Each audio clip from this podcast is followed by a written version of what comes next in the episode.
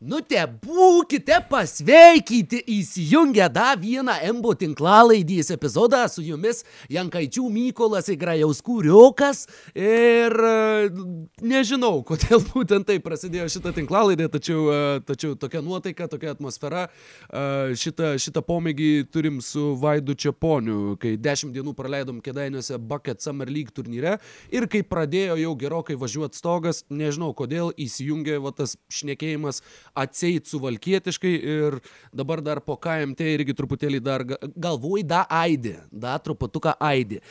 Sveiki visi, labai malonu, kad esate ir vėl su mumis, labai malonu ir netiesiogiai būti su tais, kurie galbūt netyčia šitą tinklalaidą įsijungia pirmą kartą. Su jumis Enbas, mes lietuviškai diskutuojame apie NBA krepšinio naujienas ir aktualijas ir šiandieną mūsų kieme yra šventė, kadangi šiandien mūsų laukia jau pakankamai ilgai a, į mūsų akiratį nepakliuvęs a, jūsų užduotų klausimų epizodas, klausimų atsakymų ištisa laida, manau, jog truksime a, virš valandos, tai mažų mažiausiai, kadangi klausimų iš tiesų sulaukėm rekordinio skaičiaus ir Tie klausimai yra, nuoširdžiai sakant, kaip niekad geri ir įdomus. A, tad labai tikimės, kad mes e, taip pat spėjam progresuoti su savo atsakymais, kaip jūs progre, progresuojate su savo klausimais ir be jokių didesnių užuolankų.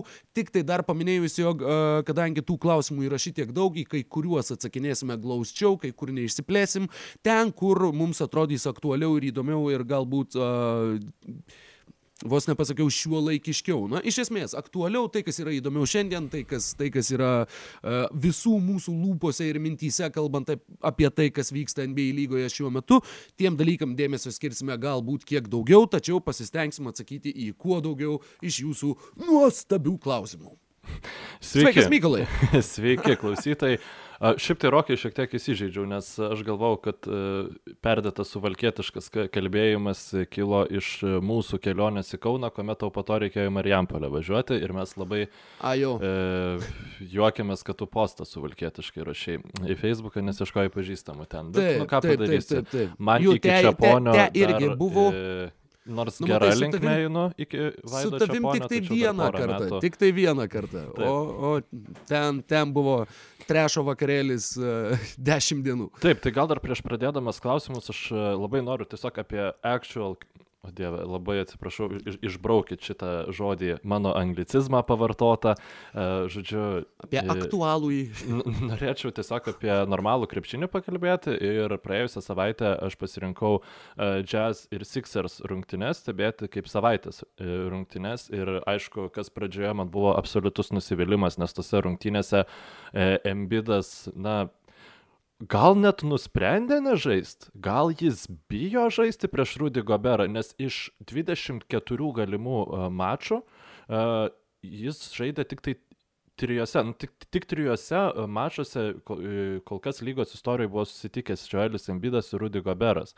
Tai wow. čia yra visiškai, aš tik nežinau, ar iš 24 nepasižymėjau šitos statistikos, bet tik, kad tik tris kartus žaidė vienas prieš kitą, žinoma. Ir tikrai iš virš 20. Jo, tai kažkiek ir dabar staiga ten jam nugarą skauda. Čia žinoma e, yra visiškas konspiracijos wow. teorijos, bet tiesiog labai labai norėjau pamatyti tą dvikovą, bet ką pamačiau tose rungtynėse, tai Benas Simonsą ir e, šiaip koks pesimistas tu turi būti, kad e, Beno Simonso 40 su viršum pelnytų taškų tave priverstų dvėjoti dėl tos komandos ateities, bet e, galiu garantuoti, kad e, tos rungtynės e, Beno Simonso nebūtų taip atrodžiusios, jeigu juose būtų žaidęs Žaelis Embidas. Nes e, tiesiog Dokas Riversas pradėjo ne su Dwightu Howardu rungtynės, pradėjo su Maiku Scottu, e, Simonsui buvo sutikta visiška laisvė. Aš tokio agresyvaus Beno Simonso nesu matęs gyvenime.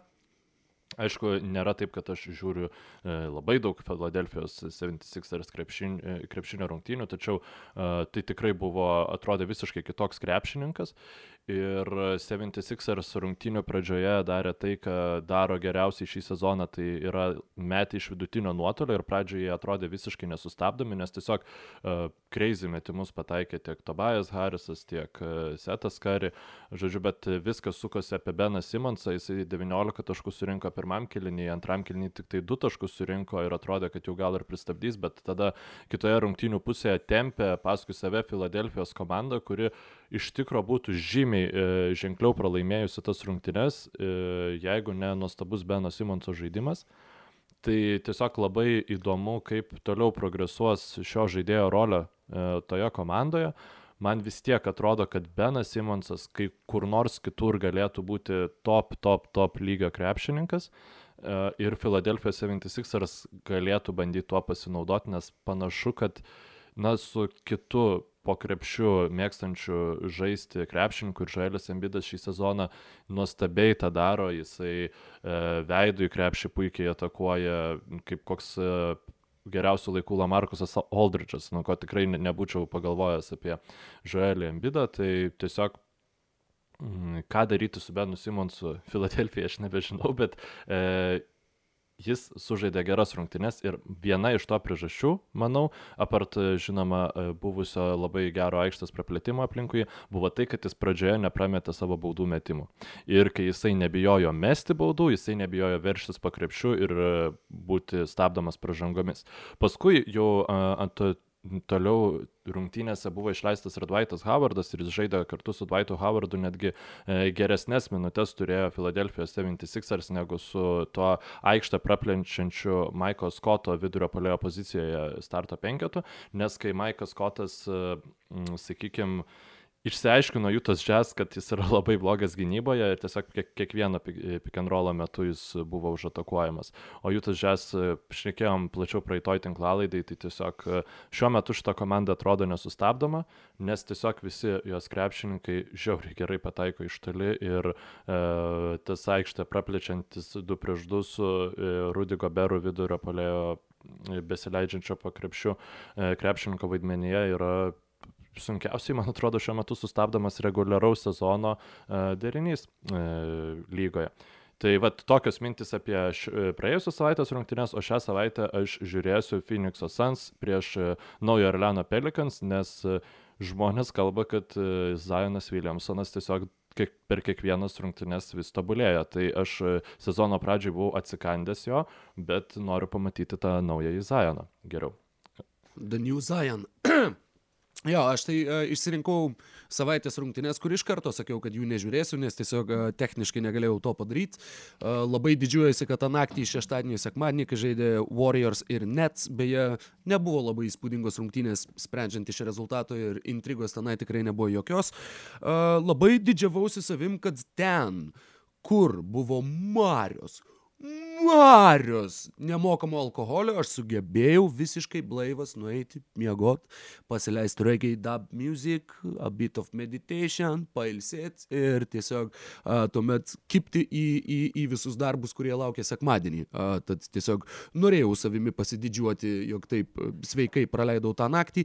E, kalbant apie Simonsą, dar vienas dalykas, kurio nepaminėjai, kuris man pasirodė įdomus ir manau, kad a, tai žinoma ir sutapimas su tuo, jog nežaidė Ambidas, Simonsas turėjo turėjo visas sąlygas aikštėje daryti tą, ką daro geriausiai, bet Salt Lake City's ir Juta. Tai yra ta vieta, kur jisai buvo nušvilpinėjamas, tai yra ta vieta, kur žiūrovai jo nekenčia, nes jisai konkuravo su Donovanu Mitchellu ir aš manau, kad tai irgi bent kažkokį, bent kažkokį motivacijos žipsnelį ir, ir krislelį galėjo priduoti uh, Benui Simonsui toje dvikovoje. Uh, Juta laimėjo tas rungtynes, laimėjo pakankamai Taip, užtikrinti. Nepasakiau šitą, bet.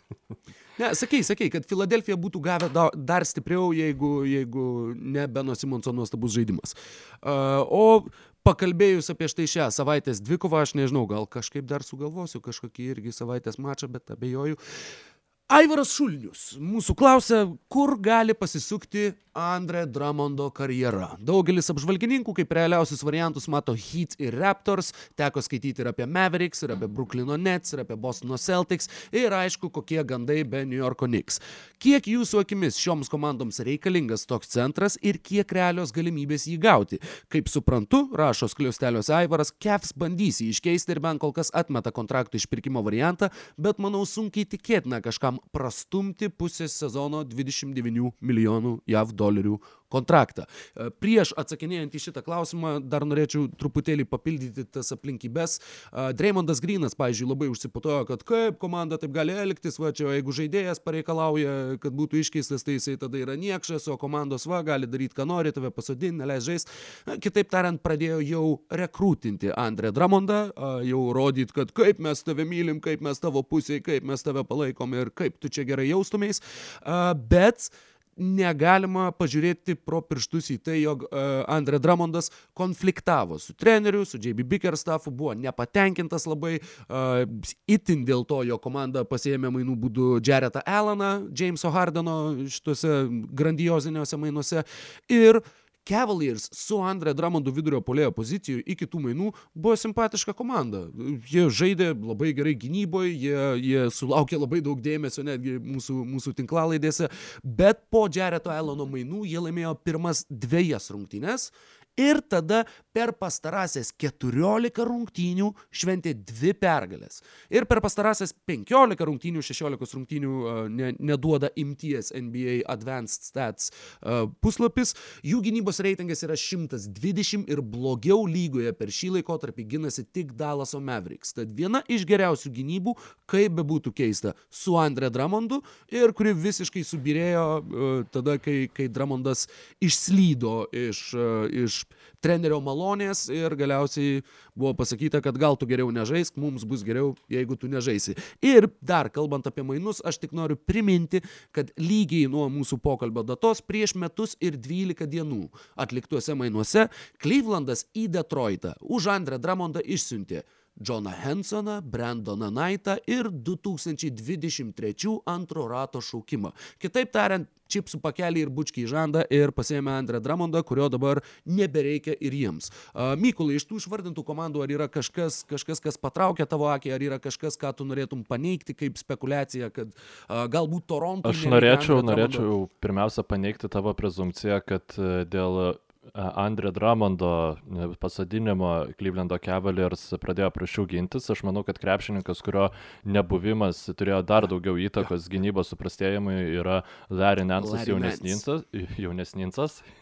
Laris Nansas jaunesninsas. Nansas jaunesnansas. Ir taip, šiaip man net gėda buvo, kad mes nelabai kalbėjom apie sezoną, kurį jis turėjo likti liktoliai, e, žodžiu, nes Cavaliers buvo puikiai gynyba ir jis buvo e, pagal tas metrikas visas didžiausia įtaka Cavaliers gerai gynybai turintis krepšininkas, tai man labai įdomu matyti bus, kuomet jis grįž po traumos, kokia bus ta tolimesnė jo sezono progresija, o jeigu Toronto Raptors išmainytų Krisą Bušė, Aaroną Beinsą ir dar kažką, kad gautųsi tie kontraktai ir visiems neįmanoma ten jie mečinto to kontrakto, tai reikėtų dar nor Normaną Pavelą pridėti, tai čia būtų, na, aš prarasčiau, aš, aš būčiau įstikinęs, kad Masai Užyri kitą sezoną nebebus šitos komandos uh, prezidentu, nes tai gali padaryti tik žmogus, kuriam yra visiškai dzin, nes taip, jeigu tu žiūri taip labai tiesmukai, Toronto Raptors neturi komandos e, žaidėjo, kuris kovotų dėl kamolių, e, Dramondas gerai kovojo dėl kamolių, bet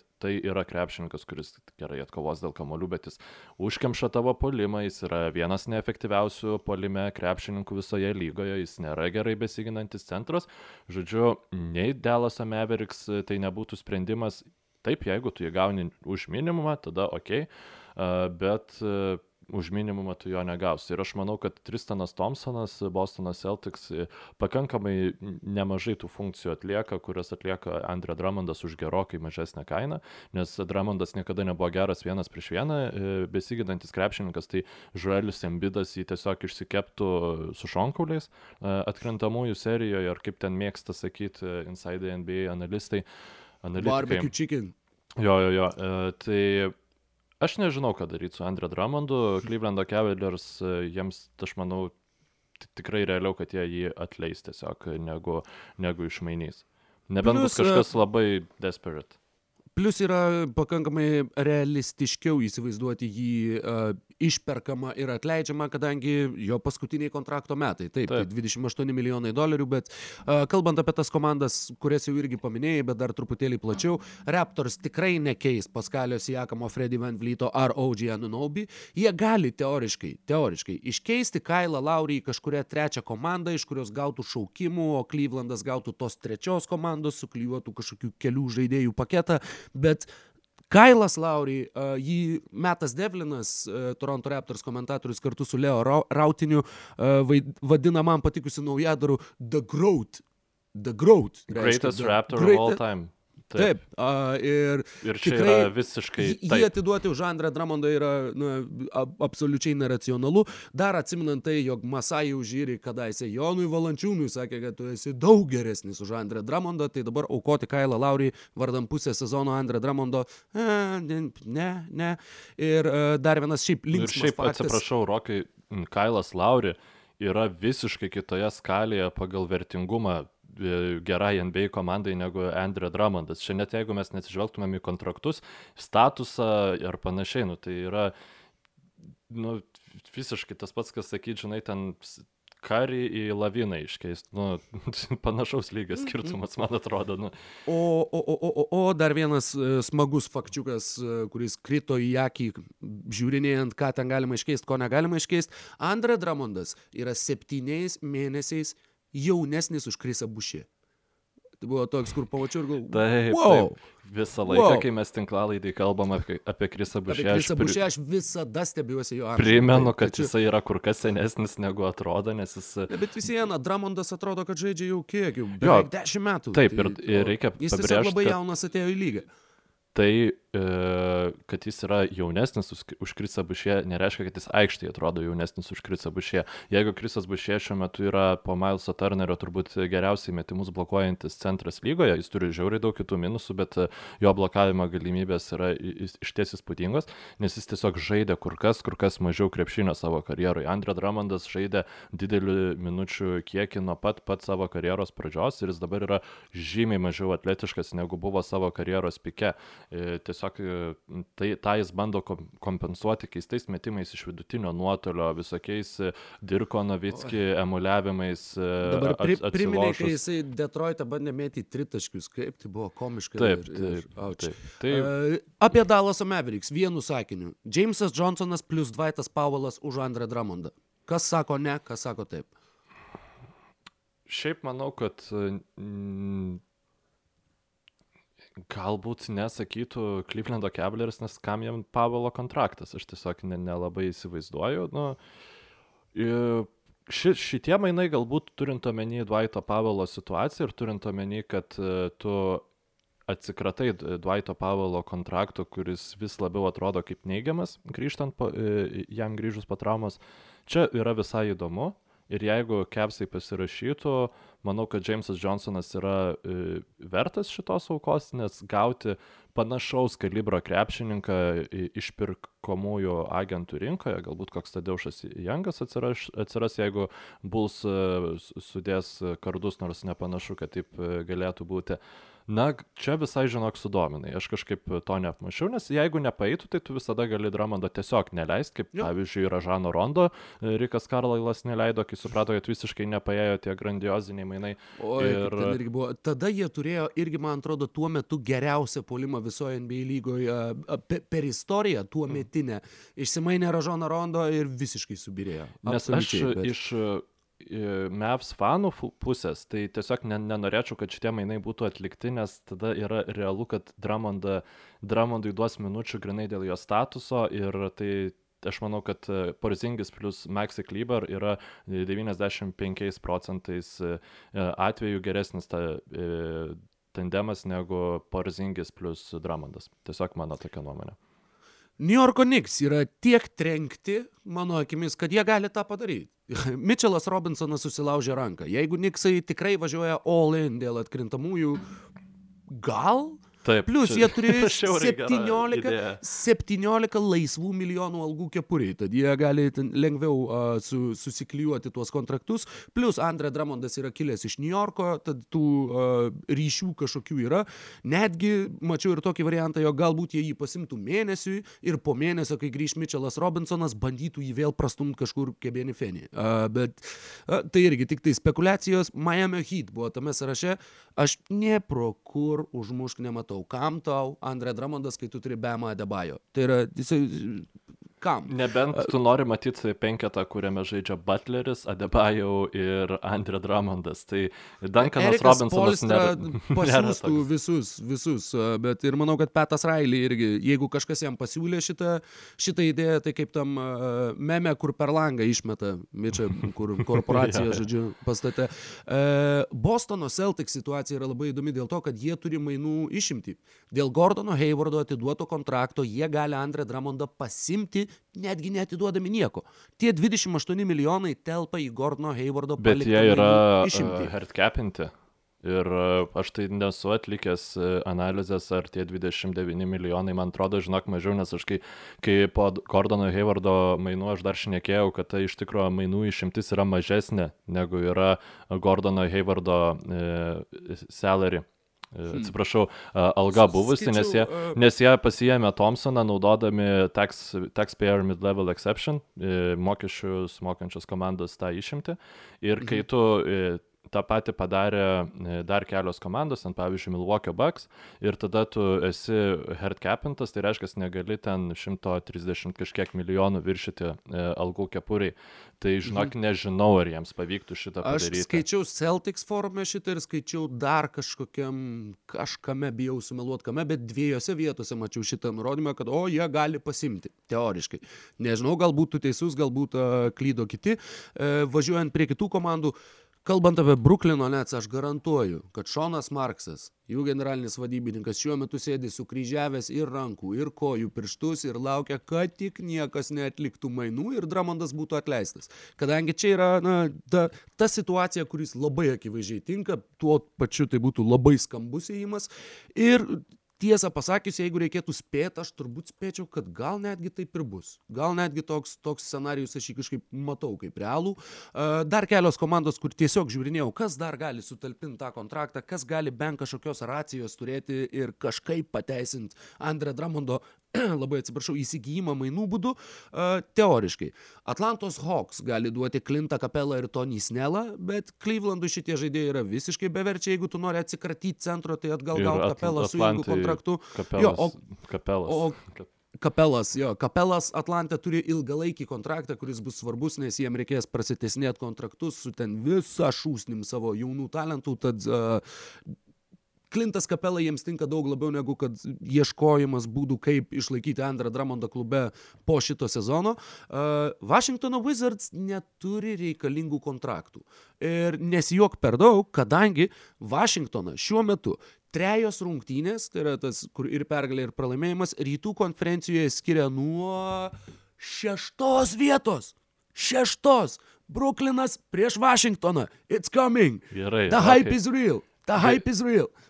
Aš labai noriu sugrįžti dėl e, to hardcap e, ir Bostono Celtics situacijos. Tai this team is currently hardcapped, which means their total taxable salaries may not exceed 138 uh, n- millions at any point during the season. Dabar pas juos yra e, 116 milijonų, tai reiškia, jiems rei- Jiems reiktų... atiduoti, atiduot septynis septynis. kažkur- bet Tristaną Tai- Thompsoną.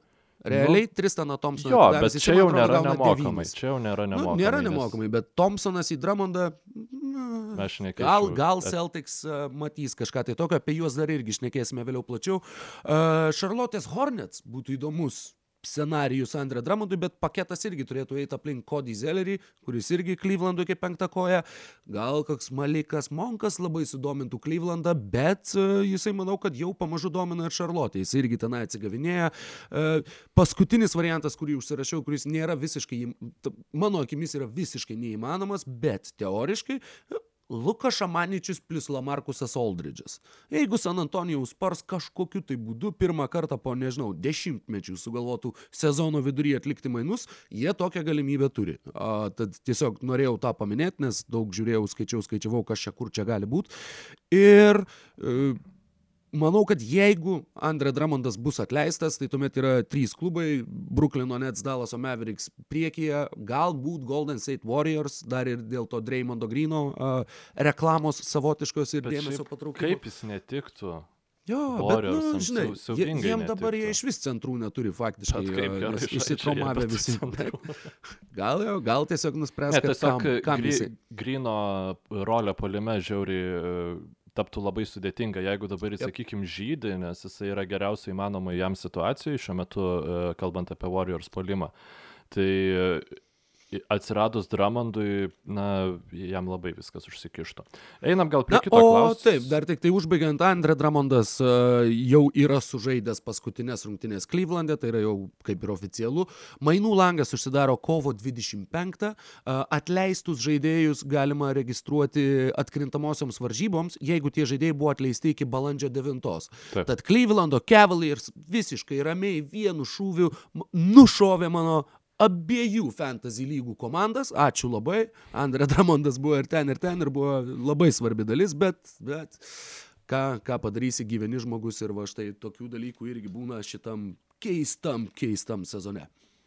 Man atrodo, populiariausias klausimas ir šiaip gan populiari tema pas pastar, pastarąją savaitę yra iš Ugniaus Navicko ir dar taip pat vienas žmogus iš patronų platformos būtent uždavė panašų klausimą. Kokia jūsų nuomonė apie GV elgesį prieš Čimezį krantu, metu, vadink kaip nori, ne, Auč, pada, padarė Jonas jam irgi čimezį krantų. E, Taip, kurį padėjimą ir e, kojų užkelimą Jonas numetė ant žemės. Bet to skaičiau, kad metu lūžo riešas, jei neklystu, tai ir Jonas gali sulaukti rimtos bausmės po šio įvykio.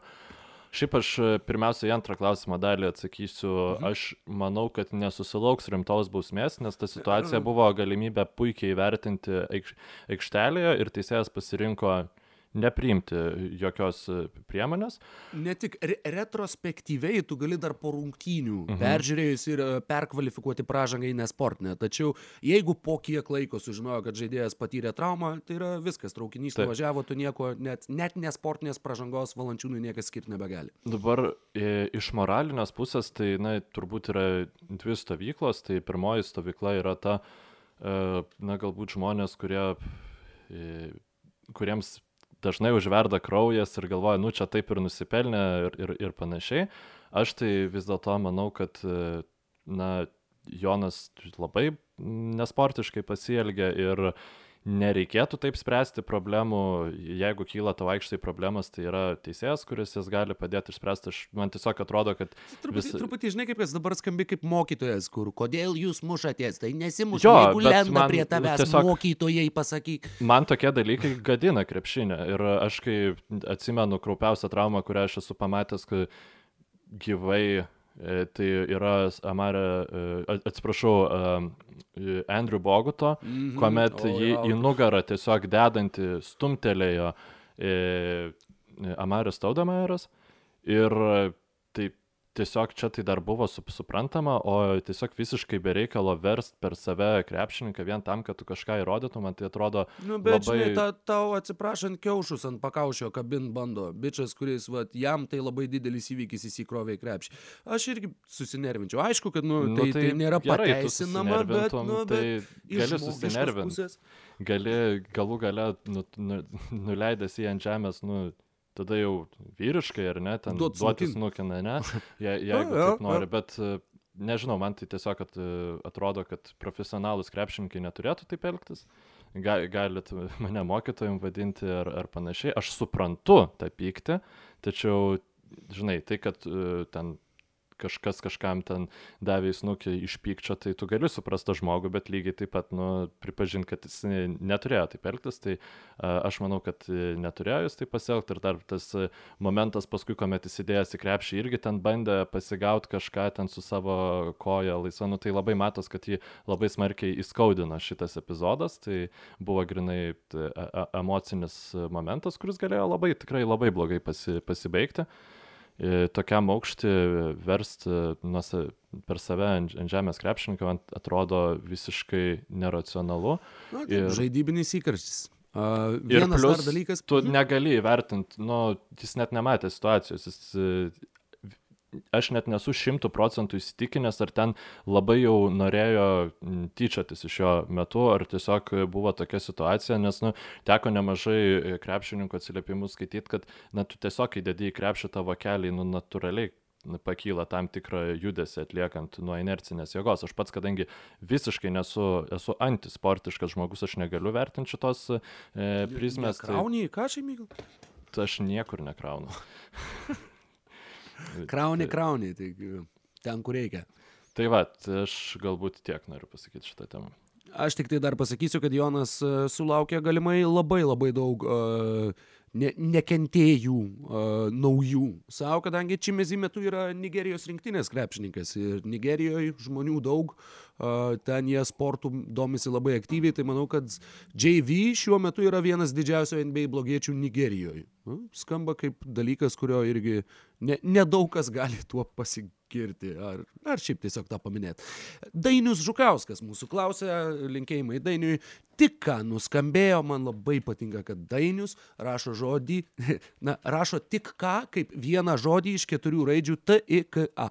Benosinės. Tik ką nuskambėjo, kad Blaikas Griffinas palieka per brūkšnelį atleidžiamas, per brūkšnelį, brūkšnėlį iškiečiamas iš pistonsų. Gal galit plačiau apie situaciją? Kodėl ir ar tai į naudą pistons, ar tai į naudą pačiam Blake'ui?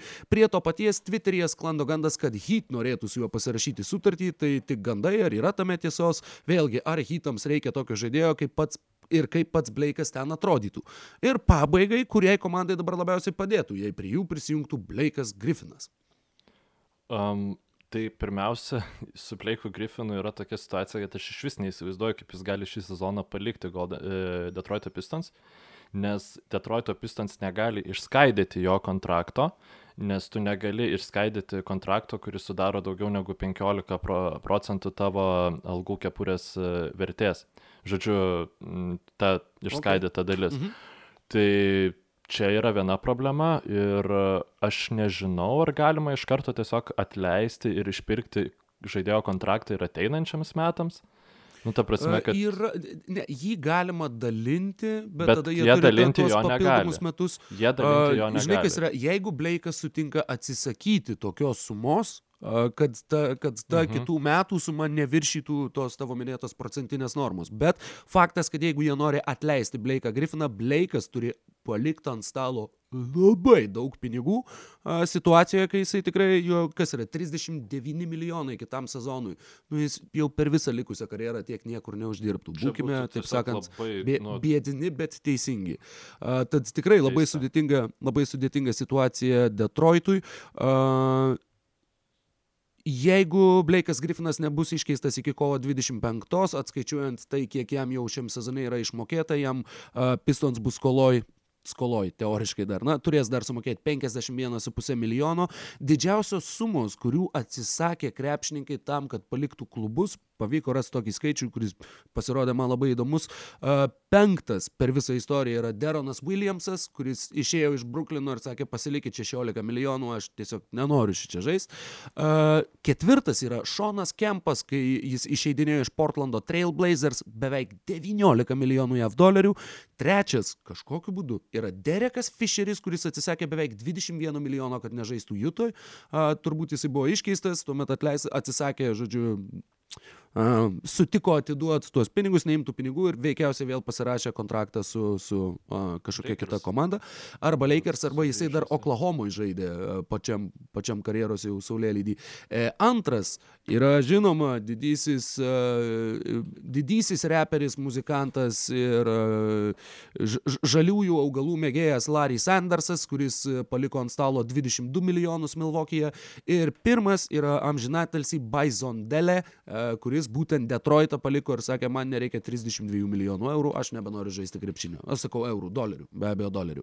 Uh, kalbant apie patį Bleiką Griffiną, dar yra pora dalykų, kuriuos irgi norisi išskirti.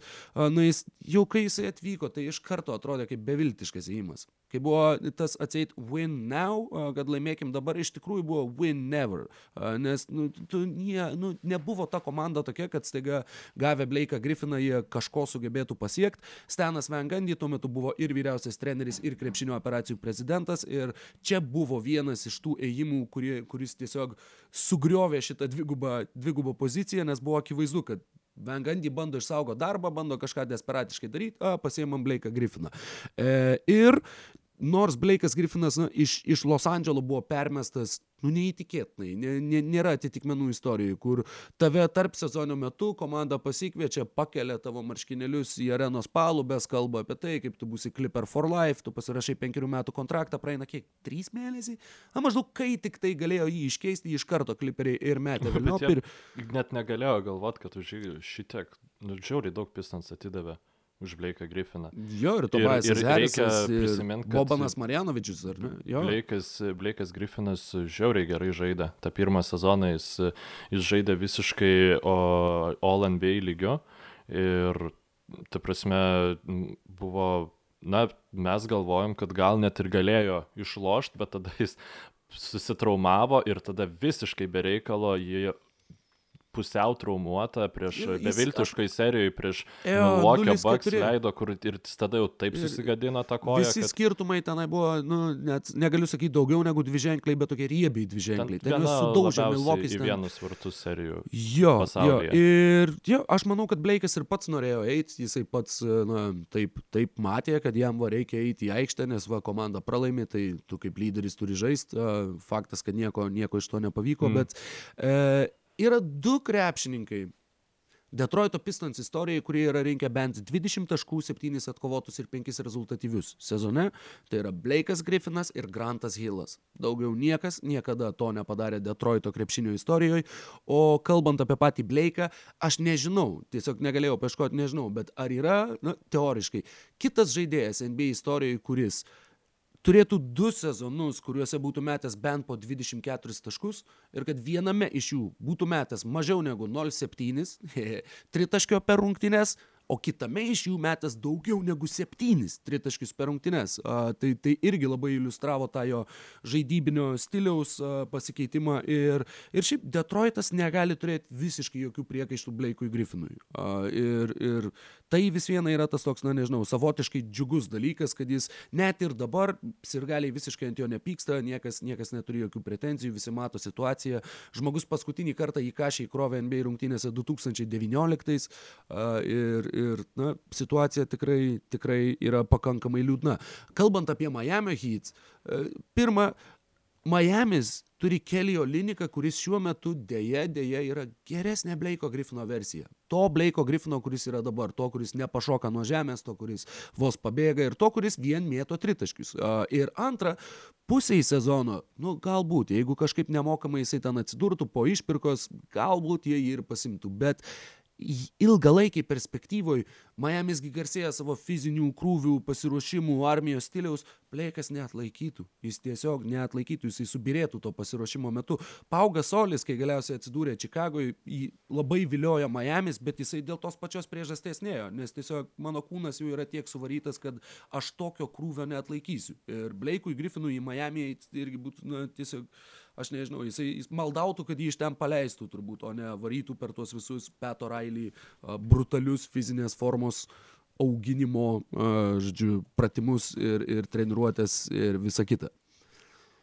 Tad, kalbant apie, apie komandą, kuriai padėtų Bleikas Griffinas, nežinau, nuoširdžiai nežinau, na, tiesiog šiai dienais, taip išėjęs nuo suolo, galbūt kažkam, kam trūkstant nuo atsarginių žaidėjų suolo, kamolius perduoti neblogai galinčio žaidėjo, kuris tikrai nežaistų startę ir, ir a, galbūt Trumpai galima įklijuoti. Dabartinėmis ap- aplinkybėmis nėra tokios komandos, net Maskvos Himki nepadėtų Bleikas Griffinas.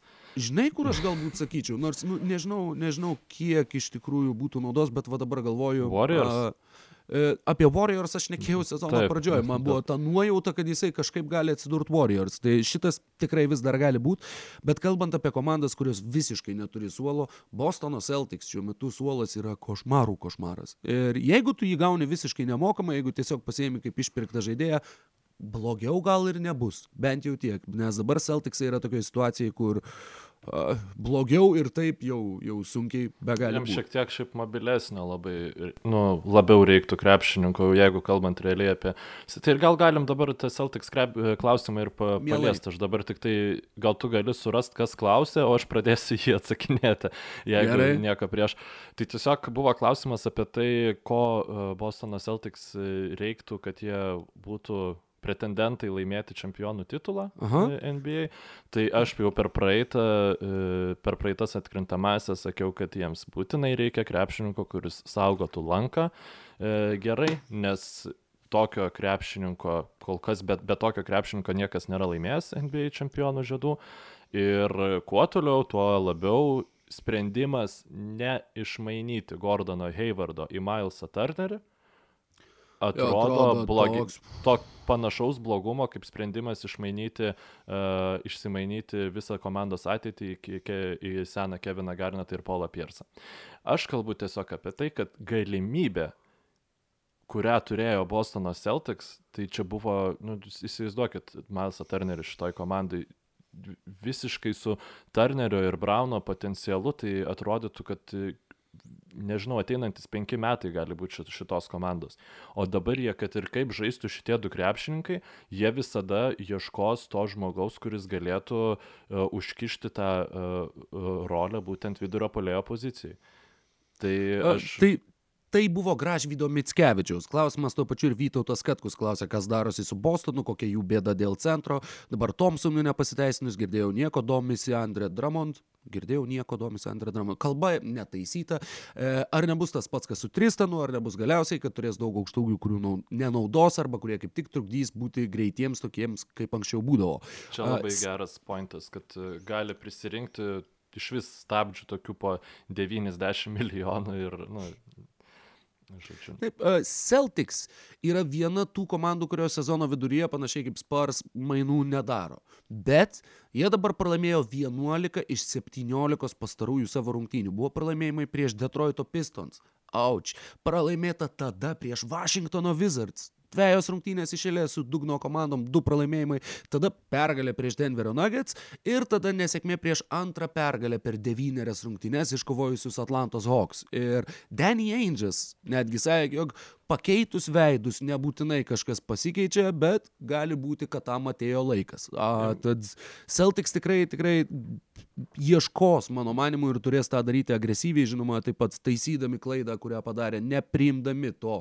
Uh, Net ne pasiūlymo, pasiūlymo iš esmės. Nu, Na, čia ne- reik- ne- jeigu- nepatvirtinę dėrybų. Jeigu iš tikro buvo tas e, pasiūlymas, reikia pabrėžti, kad, nu, ką mes, ką mes čia žinom, gal tiesiog... Bet labai daug kas rašė. Taip, taip. labai daug Ir rašė. šiaip jam nemažiau negu centro reikia kažkokio tai atsarginio krašto krepšininko, kuris bent kiek galėtų, na, Gordono Hayvardo netektis jaučiasi, nes dabar ypač iškritus Markusui Smartui, na, tai būtent ta, ta rungtynių serija ir labai koreliuoja su jo netektimi, Jo.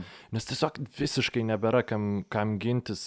Turi Braunas e, e, krepšininkas, kuris žiauriai daug dabar ant savęs ima polime, nes Kemba Walkeris labai prastos sportinės form, formos, kol kas yra čia dar atskira istorija. Oh, E, Jeffas Tygas irgi visiškai nepasiteisinęs. Aš e, apie papildymas. šituos du, kadangi paminėjai, tai noriu greitai jų skaičius perskaityti. Kemba Walkeris iš žaidimo meta 36 procentų taiklumų. Jeffas Tygas iš žaidimo meta 32 procentų taiklumų. Blogiau tarp bent 15 minučių per rungtynes žaidžiančių krepšininkų meta tik Gary Clarkas, Kilianas Heisas ir Aleksėjus Pokuševskis metantis beveik išskirtinai vien tritaškius ir beveik išskirtinai vien yra pro dar šalį. bent- vieną baudą metis jau šį sezoną. Man ne? atrodo, kad ne. Man atrodo, kad ne. Nes Jis, jis ir Aaronas Beinsas buvo ilgiausiai baudų nemetę krepšininkai, bet wow. man atrodo dabar jau Pakuševskis yra visiškas, visiškas lyderis e, šitoje statistinėje kategorijoje. Jis, jis dabar galygoje, kiek žinau, tam galygos burbulė jį tenai išsiuntė Oklahoma. Tai va, Tad- e, kažką dar noriu papildyti ties Bostonu, nes aš tai labai mažai perspektyvų, žinok, matau, nes jie pinigų nebeturės laisvų, viskas. Braunas ir Teitumas yra per geri krepšininkai, kad juos išmainytų. Už Kemba Walkerį, ta Tu prasme, gautum daug mažiau. Ir dabar netgi, žinai, kas yra, dabar ar irgi tas pats Danny Ainge'as nežiūri į Šarlotę ir negalvoja, "Hm, blem, baterija rozė. Va, Nu, čia es, mm. esmė tame, kad e, geriausias variantas su Kemba Walkeriu dabar yra tiesiog jam suteikti visas sąlygas reabilituotis, nes e, Bet tai to, jau ką teoriškai daro gali. pusantrų metų. Taip, nu ir toliau kantriai laukti, nes e, niekas kažko labai geriau nepasiūlys už Kembą dabar, nes komandos turinčios gerų krepšininkų, joms nereikia gerų krepšininkų, jeigu jūs nori išmainyti. Tai tu turi surasti kažką, nu vėl šitas trijų, trijų komandų mainų scenarius, kad, kuris yra itin nerealus ir jo turbūt nebus. Tai Bostonas e, tiesiog tas jų turimas potencialas labai e, prideda daug agonijos, kuomet jis yra nerealizuojamas. Kai tu matai Teitumą, matai Brauną, matai tą uh, beprotišką talentą ir supranti, kad na, neperspjausi be pilnos komplektacijos tų kitų komandų. Vienas dalykas, E, kurį jie turi, jie, jie turi penkis krepšininkus, kurie yra pašaukti per trejus pastaruosius metus pirmuose naujokų biržo, biržų ratuose. Tai teoriškai tu turi jaunų žaidėjų, kur tu gali kažką bandyti lipdyti, bet, bet situacija tikrai labai sunki ir a, tikrai a, nuvilintis, labai labai stipriai nuvilintis kol kas Bosno Celtic sezonas. Povilas Navickas klausia labai paprastai, ar norėtumėt vėl pradėti komentuoti NBA rungtynes? Tai pirmiausia, Povilai labai ačiū, kad e, daugiskaita uždavė į šitą klausimą, nes e, e, kiek, nežinau, gal septynes kokias esu netgi komentavęs e, e, krepšinio rungtynės savo gyvenime. daugiau, Tai- daugiau. Taip, aš, aš grinai iš savo pusės kalbu, aš norėčiau, bet aš žinau, kad aš labai prastai tą daryčiau bent jau kokius pirmus pusę metų, nes e, žinau, kad mano kalbos aparatas nėra labai e, staigus ir e, frazės nesidėlioja taip greitai, kaip reikia, kad dėliotųsi rungtynių metu. Tai nežinau, ar būčiau pasiruošęs aukoti kokybę, žodžiu, kurios negautų klausytojai, bet šiaip tai aišku, kad komentuoti krepšinį yra itin smagu ir tai buvo mano šiokia tokia svajonė, o tavo rokai ir norėtųsi grįžti prie NBA. Jo, jo be abejo, be, be abejo. Tai vis viena yra tas dalykas, su kuriuo aš užaugau kaip komentatorius, galima sakyti. Bet žinok, šiai dienai tu turi daug daugiau šansų komentuoti NBA negu aš. Nes uh, konkurencinės įmonės, visa kita, uh, kadangi tai yra TV3 grupė, mus su, su Freestars, kur buvom Karaliaus Mindugo turėjai, mus buvo pak- pakvietę kažkaip tai užsakė jau ten, kad mes ant kažkokiam, kažkokiam renginiui, čia gal prieš metus. Ir vėliau paaiškėjo, kad tai buvo kažkoks TV3 gimtadienis ar kažkas tokio. Ir jie sužinojo, kad štai, va, aš, aš čia su Delfi dirbu, aš čia va, per LNK tą visą grupę LKL komentuoju, tai jie atšaukė koncertą. Yra netgi iki tiek, kad tai man, man su dabartiniam darbovietėm niekas, niekas niekada nepasiūlys ir uh, bandyk. Aš tiesiog, e, rokai, rokai manau, kad e, labai neilgai NBA liks e, to kanalo eterija, nes reikia pripažinti, niekas Lietuvoje NBA krepšinio nežiūri ir niekam jis nėra įdomus, nes jis yra e, vis, vis kažkas pabando, va čia dabar rodysim NBA, čia bus wow, čia mes turėsim Aha. išskirtinį turinį ir visiškai dzin, visiškai niekam neįdomu, žiūri mažiau negu ten, nu, Olandijos futbolo lyga gal dar mažiau žiūrėdavo, bet, Aš kad, mažiau patikėk. Mažiau. bet tikrai tiesiog tas e, ne, nėra įpročio, nors ir yra galimybės, žinai, ryte atsikelt, pasižiūrėti įrašą, o plus e, mane šiek liūdina, kad e, nėra gal galimybės, o gal tiesiog neapsimoka e, TV3 e, sport kanalui lietuviškai komentuoti visų jų trans, transliuojamų rungtynių, tai tada iš vis taip kaip ir devalvuoja tą patį produktą. Man Nes- atrodo, kad negalima. Spėčiau, kad negalima, žinau, kad tu gauni tiesiog retransliuoti ir tu gauni vatos, kur tu gauni su minusu ir tu gali juos užkomentuoti. Na, Je, aš jeigu kadangi- rungtynės eitų be garso ir iš vis be komentavimo, tai būtų kita kalba. Bet pala, kažkas lyg sakė, kad matė tokių, bet, nu, na, Aš sakiau, kad aš ir ką pir. buvo, buvo užsibuginus transliacija ir buvo pirmas kelinys, e, ar tai iki pirmos minutinės pertraukėlės tiesiog e, visiškai be komentavimo su a- arenos žaidėjų garsu tos e, rungtynės, čia nepamenu kurios, bet e, vakarinės Vau. kažkurios rungtynės, tai tai TV3 sporto, bet kalbant apie apie transliacijas ir NBA transliacijas. Dar vienas Vytauto Katkaus klausimas. Praeitame įraše minėjote, jog komandos turi atskirius savo komentatorius. Gal galit pasakyti, kaip tai veikia? Žinau tik Celtics atvejį, bet ar visi komentatoriai yra prieš tai buvę tų komandų žaidėjai, personalo nariai, ar tiesiog komanda samdo komentatorių kaip komentatorių? Kokių komandų komentatoriai jums yra mėgstamiausi ir nuobodžiausi? Ar pasiteisintų toks formatas LKL, e? matyt, Rokas komentuotų Neptūną, Karolis Kadikinas Dzukyje ir panašiai. Karolis Kadikinas čia iš Alitaus, turbūt, taip spėju. Uh, tad toks formatas LKL e nelabai yra įmanomas, uh, netgi, netgi buvo, kaip čia pasakyti, ne tai, kad kalbų, bet buvo tokių idėjų, uh, dėl, kur, dėl ko tai būtų žiauriai smagu ir dėl ko NBA taip daro, mm, ne tik dėl to taip daro, bet kur atsiranda labai didelis privalumas tie patys komentatoriai visada komentuoja tos pačios komandos rungtynes. Ir tu tu tuomet tą virtuvę išmanai visiškai pilnai jau kiek kiek tik tai įmanoma. Plius kai tu tenai esi tai tu be abejo ir su komanda bendrauji ir visa kita. E, aš visai svajojau kad kaip būtų smagu nežinau kai žaidė ten kėdainių nevėžis žaidė kažkokioj toj apverktinoj fiba europ cup ten kur ten šešto lygio turnyras europinis mhm. ir galvojau nu va pavyzdžiui tu komentuoji visas kėdainių nevėžio rungtynes Lietuvos krepšinio lygoj ir va tame turnyre. Ir tada atsirastų irgi lygiai tas pats, kad tu tiesiog, nu, tu, tu visas rungtynės matęs, tu gali lyginti, tada atsiranda daug daugiau dalykų, kurie, kurių šiaip mes negaunam, kadangi, nu, nežinau, kuris iš mūsų komentatorių, gal kažkas ir peržiūrėt sąžiningai visų rungtynių, visus vaizdo įrašus. A, bet, bet grįžtant prie NBA lygos, a, kaip tiksliai tai veikia, tai dažniausiai tuo buvusiu krepšininku, ar tiksliau buvęs krepšininkas užima tą vadinamąją color komentatoriaus vietą.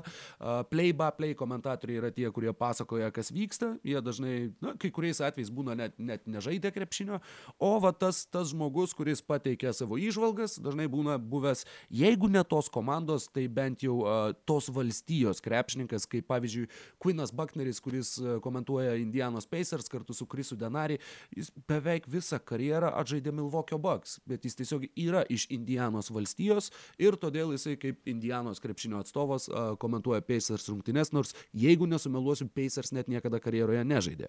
O kalbant apie geriausius ir nuobodžiausius tų komandų komentatorių duetus arba, arba tri trio Mykolai. Kurie yra tavo? Tai nuobodžiausias, tavo... aš atsiprašau, žinok, kažkaip vis dar ne, neįgaunu įpročio į, įsiminti vardų ir pavardžių, būtent tų balsų, kuriuos girdžiu ganėtinai dažnai. Naujo Irlano Pelikans. Taip, taip, mano irgi buvo tas pats. It's Zion. Uh, it's good. Well done by Zion. Ir tu žiūri penktą ryto tas žemas malonus balsas yra visiškai ne tai ko tau reikia. Tau reikia šarlotės hornets kur ten atrodo kad pakabintas už vienos vietos tas komentatorius. Oh oh it's lamelo oh my god yes it's good žinai tu tokia Taip, taip, taip, duoda tau tos energijos. Nu, kur, jis šiaip, yra beje naujas šiais metais, tasai Šarlotės. Jis labai play komentatorius. Ir aš šiaip jo. įprastai mėgstu tą mediumą, žinai, kur ir yra emocijų ir nėra jos pernelik perdėtos, bet kai tikrai jeigu reikia rinktis vieną iš dviejų blogybių, tai tikrai tas e, labai intensyvus emocijų išreiškimas bent jau ankstyvą rytą padeda neužmigti, nes uh, naujo Orleano Pelikans aš tikrai nu, nesirenku tos transliacijos. Vienintelis atvejis, kai renkuosi naujo Orleano Pelikans uh, komentatorių opciją, nes per lyg pesą tu gali pasirinkti, tai mhm. tai jeigu būna uh, ESPN, Atsiprašau, ne ESPN, o TNT, nes tada per TNT komentuoja Jeffas Van Gundy ir Markas Jacksonas, ar pala, ar per ESPN jie komentuoja? Per jie. Nu, man atrodo, per, per, per vieną iš tų e, national mm. Arba ir tada, kai būna transliuoja jau tas nacionalinis transliuotojas, tada dažniausiai tu gali pasirinkti tik tai namų komandos, o svečių komandos e, e, filmavimo grupė nevažiuoja į tas rungtynes, e, bent jau tai būna įprastai sezonais. Tai tik mhm. tokiu atveju aš renkuosi naują Orlando Pelikans, nes aš negaliu apkesti Marko Jacksono ir Jeffo Vangandi dueto. Man atrodo, kad tai yra vienas iš apskritai blogiausių komentavimų reguliariai vykstančių sportį šiuo metu. Mama. There goes that man. Jo, tai aš nu, mažiausiai užvedanti, mažiausiai užvedanti catchphrase, ko, kokią aš esu girdėjęs. Bet, uh, grįžtant prie dar tų, ge, prie tų gerų duetų, aš iš, išsiskyriau porą ir labai įdomu, uh, kad ta pora yra tame pačiame mieste. Uh, tai yra Ianas, Ianas turbūt, Eaglas ir Sara Kustok, kurie komentuoja Bruklino Nets. Ir tai yra Maikas Brinas ir Waltas Klaidas Fraseris, kurie komentuoja Knicks. Tai irgi yra visiška klasikų klasika. Leikerių komentatoriai man taip pat dėl savo balsų tembrų sąskambio labai patinka. Ir jie ir šneka nerzinančiai, ir tuo pačiu yra tas toks melodingumas, kurį, kurie, nu, labai puikiai. Kaip buvo mūsų kažkada šitie Formulės 1 komentatoriai, kur, nu, jie tiesiog vienas prie kito, nu, nu, kaip suaugę Tai vad, Leikerių komentatoriai turi tą patį. Aš tiesiog e, formulės be jų negalėčiau žiūrėti. Nu, visiškai... aš, aš, aš ir nebežiūriu. ir nežiūriu, o... bet Tai va, tai va. O dar vienas dalykas, kažkaip paminėjai tą Pelikans, tą labai labai žemo balso komentatorių, labai įprasta yra ir aš manau, kad tai yra sąmoningai daroma ir tik tai šiais metais kažkaip atkreipiau pilnai į tą dėmesį. Nu, koks 80 procentų lygos tų duetų yra, kad play by play komentatorius kalba daug žemesnių balsų ir yra color komentatorius, kuris šneka aukštesnių tembrų. Ir taip yra, aš sakau, ar nu, per daug yra tokių duetų, kad atrodytų, kad tai netyčia tiesiog taip sukrito. Gali būti, kad netgi kai ieško, nu žinai, kur, ah, tavo per aukštas balsas, tu play by play nekomentuosi. Tai aš va negaliu. Tai žinai, gal jeigu, jeigu Rusijai visi komentatoriai turi būti, Kudar pavarot, žinai, ten su to, pato su tokiu kalbėti, kur damai gaspadai. O, nuda, nuda. Galbūt yra čia irgi. Kalodi, dobrį večer. Šitas, jo, jo, atsiprašau, jo, labai įstrigęs visam gyvenimui. E, tai šiaip visai realu, kad e, tai ieško tiesiog natūraliai kažkaip, o, va, čia tavo žemės balso tembras, čia gerai tiksi kont mm. kontrasto, žinai, gal tiesiog tokio e, natūralaus nori daugiau įnešti. Taip, nežinau. Aš, aš negalėčiau, nes kalbu kaip 13. Ok, e, na, metas pereit prie komandos, apie kurią mes šitam podcast'e kalbam labai labai labai daug. Tai Detroito Pistons ir Tomas Mušankovas sako, na, Mykolai, turbūt simpatijų man neturėsi dėl klausimo, bet noriu pakalbėti apie Detroitą. Tavęs kaip eksperto, nevadinkit niekas niekada manęs ekspertų, nes tai yra, e, nu, tiesiog sporto e, fanų analizės dalykė ne, nenaudotinas žodis, nu, ne, nėra. Skaitai, man, man pats žodis yra toks, yra blogiau negu kad E, būti pavadintam ekspertu, e, manau, yra, yra tik vienas variantas, nebent. jo, yra save vadinti ekspertu. Nu, čia yra čia tuštybė, tuštybė. Tai noriu paklausti, ar e, granto kontraktas yra patogus mainų rinkoje, ieškant ateities šaukimų ar jaunų perspektyvių žaidėjų, nes rodomi rezultatai ir tai, ką jis gali duoti laiminčiai komandai, man atrodo, jis gali būti įdomus, tikrai įdomus ir paklausus.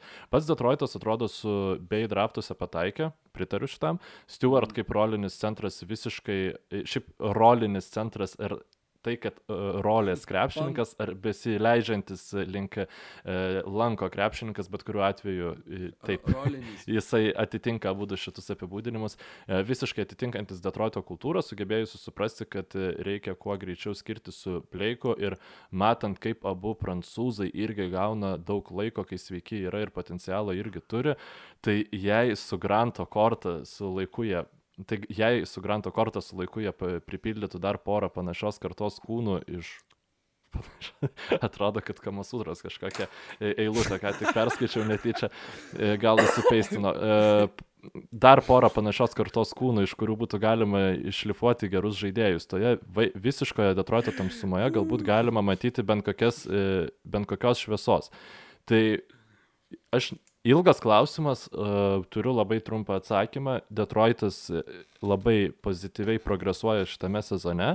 Uh, ir manau, kad Grantas, turint omenyje, kiek nedaug komandų yra linkusių mainyti savo krepšininkus į ateities kažkokius tai variantus šiuo metu, nes lab, net yra jau skelbiama informacija, kad komandų e, vadybininkai yra ganėtinai sunerime, nes trūksta tų vadinamų sellers e, šį, šį sezoną. Mm. Čia dėl to įkrintamųjų viso koncepto tiesiog daugiau komandų tikisi būti relevantiškas tad, paskutinėje sezono fazėje.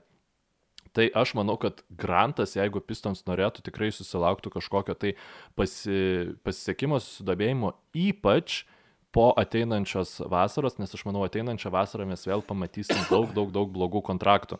Nes dabar šiuo metu lygai nelabai daug jų yra, iš tikrųjų jau šiek tiek su, gerokai sumažėjo tų tokių e, Gorgi Dengų, ten Nikola Batūnų. 2016 pagaliau jau liko 16, už, už iš, galinio vaizdo veidrodėlio.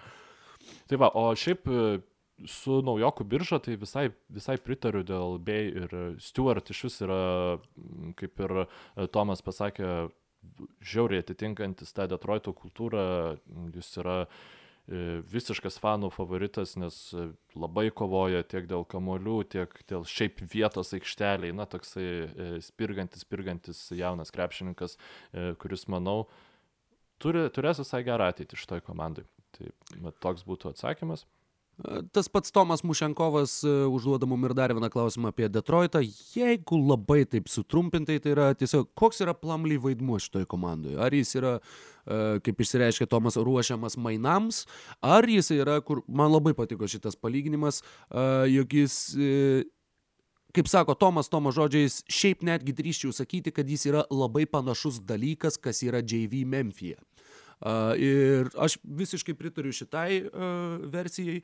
Tiesiog Masonas Plumly, kai tu turi jauną komandą, jeigu tu dar turėtum ir jauną centrą su visais tais jaunais žaidėjais, nu tavo gynybai būtų žvėriškai sunku. Plumly nėra labai geras gynybinis centras, kuo mes įsitikinom pernai playoffuose, bet komandinė gynyba jisai supranta, pozicijas jisai, na, būtent toje komandinėje gynyboje užsijima ir dar gali pa, pašefuoti jaunimą ir turėti tą va tokį adekvataus lygio komandinės gynybos centrą yra labai labai svarbu tavo gynybiniam stuburui. Kitaip ta komanda būtų dar beviltiškesnė, jeigu ten žaistų kažkuris iš jų jaunųjų vidurio polėjų. Tad ir tas palyginimas su Jonu Valančiūnu man visai patinka. Detroite, žinoma, yra daug mažiau talento negu Memphija šiuo metu, bet Masonas Plumly ta, iš dalies irgi turi tą, taip, tą veterano, mentoriaus, stabilizatoriaus, tokio savotiško amortizatoriaus vaidmenį Detroito organizacijai. Kaip tu manai, Mykolai? Šiaip dar Šventas Mantas taip pat mūsų klausia, ką aš žinau, ko nuomonė Pistons tikisi iš starto penketo žaidėjo Plamliai. Tai aš manau, aš... žinok, pabūsiu. Nenorėjau pertraukti, bet matai, tu sakai šventas mantas, aš tai galvoju, ten šventas ar šviežias mantas. Nes šv su tašku, tai aš, aš... Šiaip jo, turbūt, nežinau.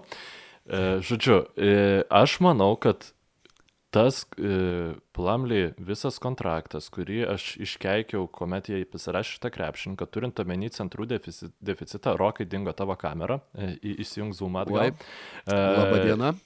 Turint omeny visą centrų deficit, deficitą, kurio aš nemaniau, kad lygoje bus šiuo metu, tai žinok, Plumly, manau, visai gali būti iškeistas ir net už kokį nors antro raundo šaukimą, kas būtų visiškai, visiškai keista, nes Nuggetsam šiauriai jo trūksta reguliariajame sezone. E, kokį, e, Toronto Raptors labai džiaugtųsi turėdama tokį krepšininką. Mm, tiesiog, tiesiog, e, kai, turiu prisipažinti klydą, klydas, e, aš ne, visiems nemanau, kad e, jeigu Pistons neišmainys Plumly, kad buvo geras sprendimas e, pri, jiems jį e, priimti, nes jiem reikėjo dar išskaidyti vieną kontraktą, žodžiu, Plumly šiaip Pistonsam yra brangesnis negu tiesiog tie 9 milijonai, kurie yra užrašyti prie jo kontrakto, bet gerų centrų reguliariajam sezone komandoms trūksta. Lakersam, Clippersam, um, net ir Netsam komandom, kurios pretenduoja į čempionų žiedus, jisai nėra tinkamas variantas, bet komandoms, kurios nori tiesiog gerai žaisti reguliariajame sezone, mhm. o tokių yra dabar daug šiuo metu, uh, Plumly gali būti visai įdomus variantas. Tai džiugu pranešti, kad aš nieko nesuprantu apie krepšinį. Visada, visada smagu. O žiūrėk, man, manęs nuojauta neapgavo. Mantas nėra šventas vardas. tai yra baltiškas vardas, todėl jisai nė, nėra šventojo manto, tad šviežias mantas bus naujasis mūsų bičiulis, tikiuosi jisai pats neįsižeis, tačiau, a, tačiau mes, mes poną vadinsime būtent šitaip. E, Andrius Kalesnikas klausė, Pacers naudoja labai mažą rotaciją ir Domas žaidžia velniškai daug. Ar neatsilieps tai jiems sezono antroje pusėje ir kuo papildytumėte, o čia kaip gražiai, kuo papildytėte Pacers rotaciją mainų būdu ar iš esamų laisvųjų agentų? Ir dar taip pat vienas klausimas buvo ir niekaip nesugebu rasti apie tai, kad ar Sabonio statistika e, nėra tokia, nėra šiek tiek surasi. apgaulinga. E, tai pradedant apie pirmą atsakymą, e, pirmą klausimą, tai šiaip Sabonius kol kas tu, tu, tu yra pakankamai ištvermingas krepšininkas. E, nemanau, kad tas minučių skaičius labai žalingas turėtų būti. Um, Saboniui be abejonės, kuomet jisai renka tokius skaičius, norisi, kad jisai žaistų kuo daugiau. Ir uh, tikiuosi, kad viskas bus gerai. Dabar dėl Sabonio naudos komandai, tai yra tas dalykas, kad Pacers su Turneriu, bet be Sabonio aikštėje yra labai gera gynyba. Su Saboniu ir Turneriu aikštėje jie nėra gera gynyba, su tiesiog Saboniu ir be Turnerio aikštėje jie yra bloga gynyba. Žodžiu, tai tą reikia atsiminti ir Sabonis nėra nu vien perlai. Yra, yra kur ir kaip čia pasakyti, gerinti kur savo žaidimą domai. Yra ir pelų tarptų grūdų. Tomas P. beje mums uh, siuntė šitą klausimą apie Sabonio statistiką, uh, bet aš nesakyčiau, kad tie skaičiai, uh, kaip, kaip tenai tiksliai buvo suformuoluota, uh, kad Sabonio nu, nauda tiesiog... komandai nėra tokia didelė, kaip atrodo skaičiai. Ai, na, taip, iš šitos pusės žiūrint, būtent pa, pagrindžiant tais gynybiniais reitingais, tai, tai tu visiškai atsakei į šitą klausimą. O kaip dėl pirmo klausimo, gal kažką norėtum papildyti, nes aš taip labai lakoniškai atsakiau į jį. Sunku iš tikrųjų pasakyti, kadangi, na, jie vis dar laukia Keris Oleverto. Pavyzdžiui, aš net nežinau, jis žais šitam sezone, nežais, man atrodo, kad ne. Kažkaip lyg vieną akim mačiau, kad lyg ir turėtų kondicija. Tuoj pat patikrinsiu, kad netyčia neapgautumėm klausytojų. O kalbant apie Nes, nežinau, e, lyg tai ne, jie yra e, vertinami iš naujo tiek Kerisas Levertas, tiek TJ Warrenas. Aš jau net pamiršau, kad jisai nežaidžia irgi baisiai seniai. Tad jie dar turi traumuotų žaidėjų. Jeremy Lambas smagu, kad grįžo tikrai gyvas ir sveikas ir, ir, ir atrodo neblogai. TJ McConnellas žaidžia fantastiškai pastaruoju metu ir taip pat, na, tai nėra tas žaidėjas, kuris bus, bus tau super naudingas atkrintamosiose dėl savo ribotumo, apie Makonelą mes jau esam kalbėję, bet e, aš manau, kad jiems reikia tiesiog tikėtis, kad, kad jie tą savo rotaciją pilną pagaliau turės, nes jų traumuoti žaidėjai taip pat prideda, prideda įtakos tam aukštam, ne tik sabonio daug kieno minučių skaičių aikštėje. Rokai, ar pritartum šitam teiginiui? Nėra komandos, kurio, e, kurios tokia didelė dalis krepšininkų būtų kur kas vertingesnė tai pačiai komandai, negu bet kuriai kitai NBA lygos komandai. Nes man atrodo, kad nei Sabonis, nei Turneris, e, nei, e, na galbūt dėl Turnerio nežinau, bet Progdonas, Warrenas, Jeremy Lambas, TJ McConnellis, jie, jie visi Indianos Pacers tiesiog e, yra verti daugiau negu juos vertintų kitos NBA komandos. Ir dėl to jam labai sunku yra atlikti kokius nors e, mainus, kurie galėtų iš esmės pakeisti jų šansus atkrintamosios. Ja, ja. Tarp tokių komandų aš dar įvardinčiau uh, Jutos Jazz kur taip pat visi žaidėjai yra tiesiog savo vietoje ir, na, ten aišku, dar aukštesnių lygių. Tačiau Pacers, taip, įdomu, taip. Kad, kad pasikeitė vyriausias treneris, bet vis viena tie žaidėjai yra, sakau, puikiai išnaudojami. Dakas McDermottas žaidžia karjeros sezoną, tad, na, tikrai, tikrai yra išnaudojami labai protingai ir aš pritariu šitai tavo minčiai. Taip, gal yra klausimas, kurį norėtum toliau atsakyti? Žinoma, žinoma. FK Figo mūsų klausė, kai vaikystėje atradote NBA, kas buvo ta pirmoji meilė, kuris žaidėjas pirmasis padarė jums įspūdį? Skliausteliuose mano tai Vince Carter dar prieš 2000-uosius, besijuokiantis veidukas šitas, kur... Ah, taip. Benas tai Wallace'as. Nieko daugiau, žinok, aš uh, norėjau kažką įdomiau pasakyti negu Benas Wallace'as, bet aš turbūt tada jau reiktų žiūrėti net ne į mano paauglystę, o į vėlyvą paauglystę, kuomet aš jau tai pradėjau rimčiau uh, domėtis NBA krepšiniu ir ten, sakykime, tokie visokie uh, roliniai, uh, rolės krepšininkai man pradėjo labai didelį įspūdį palikti, bet būtent, nu, labai mėgau to, Zeką, Zeką Randolfą, Tony Alleną, ten iškritant Grind, uh, Grizzlių, bet Benas Wallace'as man vaikystėje, jeigu būčiau bent kokius šansus turėjęs Afro pasidaryti, tikrai būčiau ją pasidaręs, labai patiko. Bet... Jo, galiu įsivaizduoti. Mano, mano vaikystė buvo truputėlį anksčiau, aš dar mačiau uh, tuos uh, su kiek tenai mėnesio, man atrodo, užlaikymų rodytus uh, Bulls ir Jazz finalus uh, Lietuvoje ir lietuviškai su Lino kunigėlio komentavimu, tai nu, Michaelas Jordanas ten buvo dievas. Ir uh, tiesiog, na, jo, buvo ir, ir Rodmanas buvo simpatiškas ir Pipenas buvo simpatiškas, bet turiu vieną juokingą istoriją, nes perskaičiau šitą ir atsiminiau iš vaikystės, jog uh, man buvo aštuoneri metai, aš nežinau kodėl, bet aš atsimenu ryškiai, kad aš garžduose prie Vaivorykštės gimnazijos, nu aš ten mokiausi metus su trupučiu. Tai man turėjo būti aštuoneri metai, tai čia maždaug 96 ir uh, kad galvojau apie tai, kad namie žaisdavau su Sega tą seną Lakers vs. Celtics, kur buvo ir kitos komandos, ir Chicago's Bulls turėjo va, dar va, ten prie Jordano, prie visų, buvo baltas bičias, numeris keturi, man kažkodėl taip pasirodė svarbu, aš gal tuo metu dienynė buvau ketvirtas. Turbūt, nes kažkaip irgi susisiejo. Ir jis gerai mėto tritaškius. Ir aš galvojau, kad, o jo, va aš irgi, aš taip mėtysiu tritaškius ir aš būsiu toks kaip Jonas Peksonas. Su visa Čikagos Bulls istorija ir kaip geras Formanas ir Jonas Paxsonas buvo ten visiškai prakeikti kaip klubo vadovai, tai tiesiog iš, kai išniro šitas toks uh, atsiminimas galvoje, tai pats, pats susijuokė už savęs, kad, o, wow, aš kažkada galvojau, kad norėčiau būti kaip Jonas Paxsonas. Aš atsimenu dabar, kaip mane e, 2000 metais senelis nervino, kai man buvo penki metai ir aš žiūriu Brazilų rinktinę ir sakau, tipo, aš labai, aš noriu būti Ronaldinio. Ir senelis sako, tu negali būti Ronaldinio, aš esu Ronaldinio. Tu sako, tu gali būti Rivaldo. Ir aš tai, aš nenoriu būti Rivaldo. Žodžiu.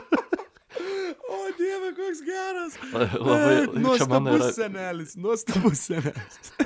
Koks senelis anūkui tokį suskeltų, čia yra, čia yra epiška, epiška. Čia yra ge vienas geriausių epizodų per visą, kiek čia jau daugiau negu, daugiau negu metus, kiek darom šitas laidas. Tai va, tik- Tu negali būti Ronaldinio, aš galvojau, kokią priežastį įvardinti, žinai, kur tu per, per šviesus, kur, ne, aš Ronaldinio.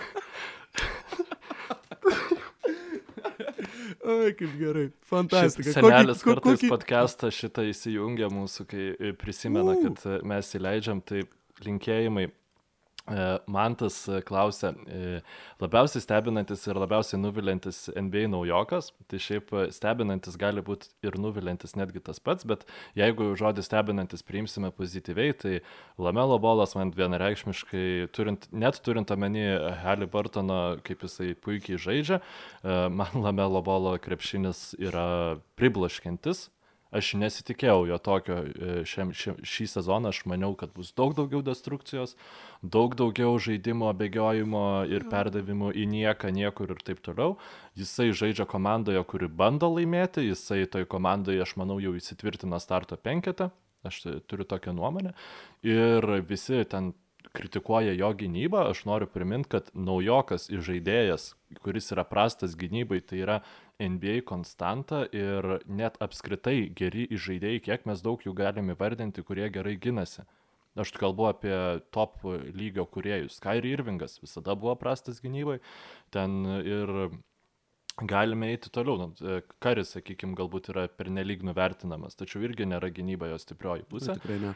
Tai e, Lamelo bolas turi visus šansus tobulėti šitoj srity ir aš manau, kad jis turi fizinius įrankius tiesiog būti pakankamai tuo solidžiu e, krepšininku, kuris gina praščiausiai besiginant, e, puolantį komandos krepšininką, nes jis e, na, yra pakankamai aukštas, kad galėtų ir prieš aukštesnius krepšininkus tą daryti, dėl to jam nereikia vaikytis gynėjų. Nu, žodžiu, ne, kaip ir sakiau prieš sezoną, aš manau, kad jis taps neneigiamų krepšininkų gynyboje kažkada karjerai.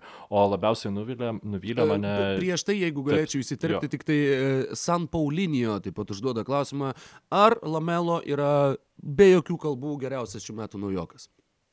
Taip. Tai, Matai kaip, aš tai dar sakyčiau, kad dar per anksti. Dar gali įsibėgėti. dar šiuo gali- metu- Ai, šiuo metu. Taip, bet, bet jeigu būtent apie Rookie of the Year, jeigu mes kalbam apie tą titulą ir apdovanojimą, dar laiko yra tikrai labai daug.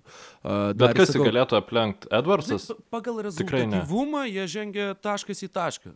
Bet, nu, Bet aišku, pagal aišku. šiaip naudingumą, krepšinio kokybę, tiesiog Velniai, Timberwolves žinai, niekad negali žinoti, ar trauma kokia, ar dar. Ne, ar tai velniai žinai, žino, nu jo, jeigu trauma, tai taip, bet aš manau, kad antras geriausias naujokas šiuo metu yra Tyrese Halliburton šį mhm. sezoną.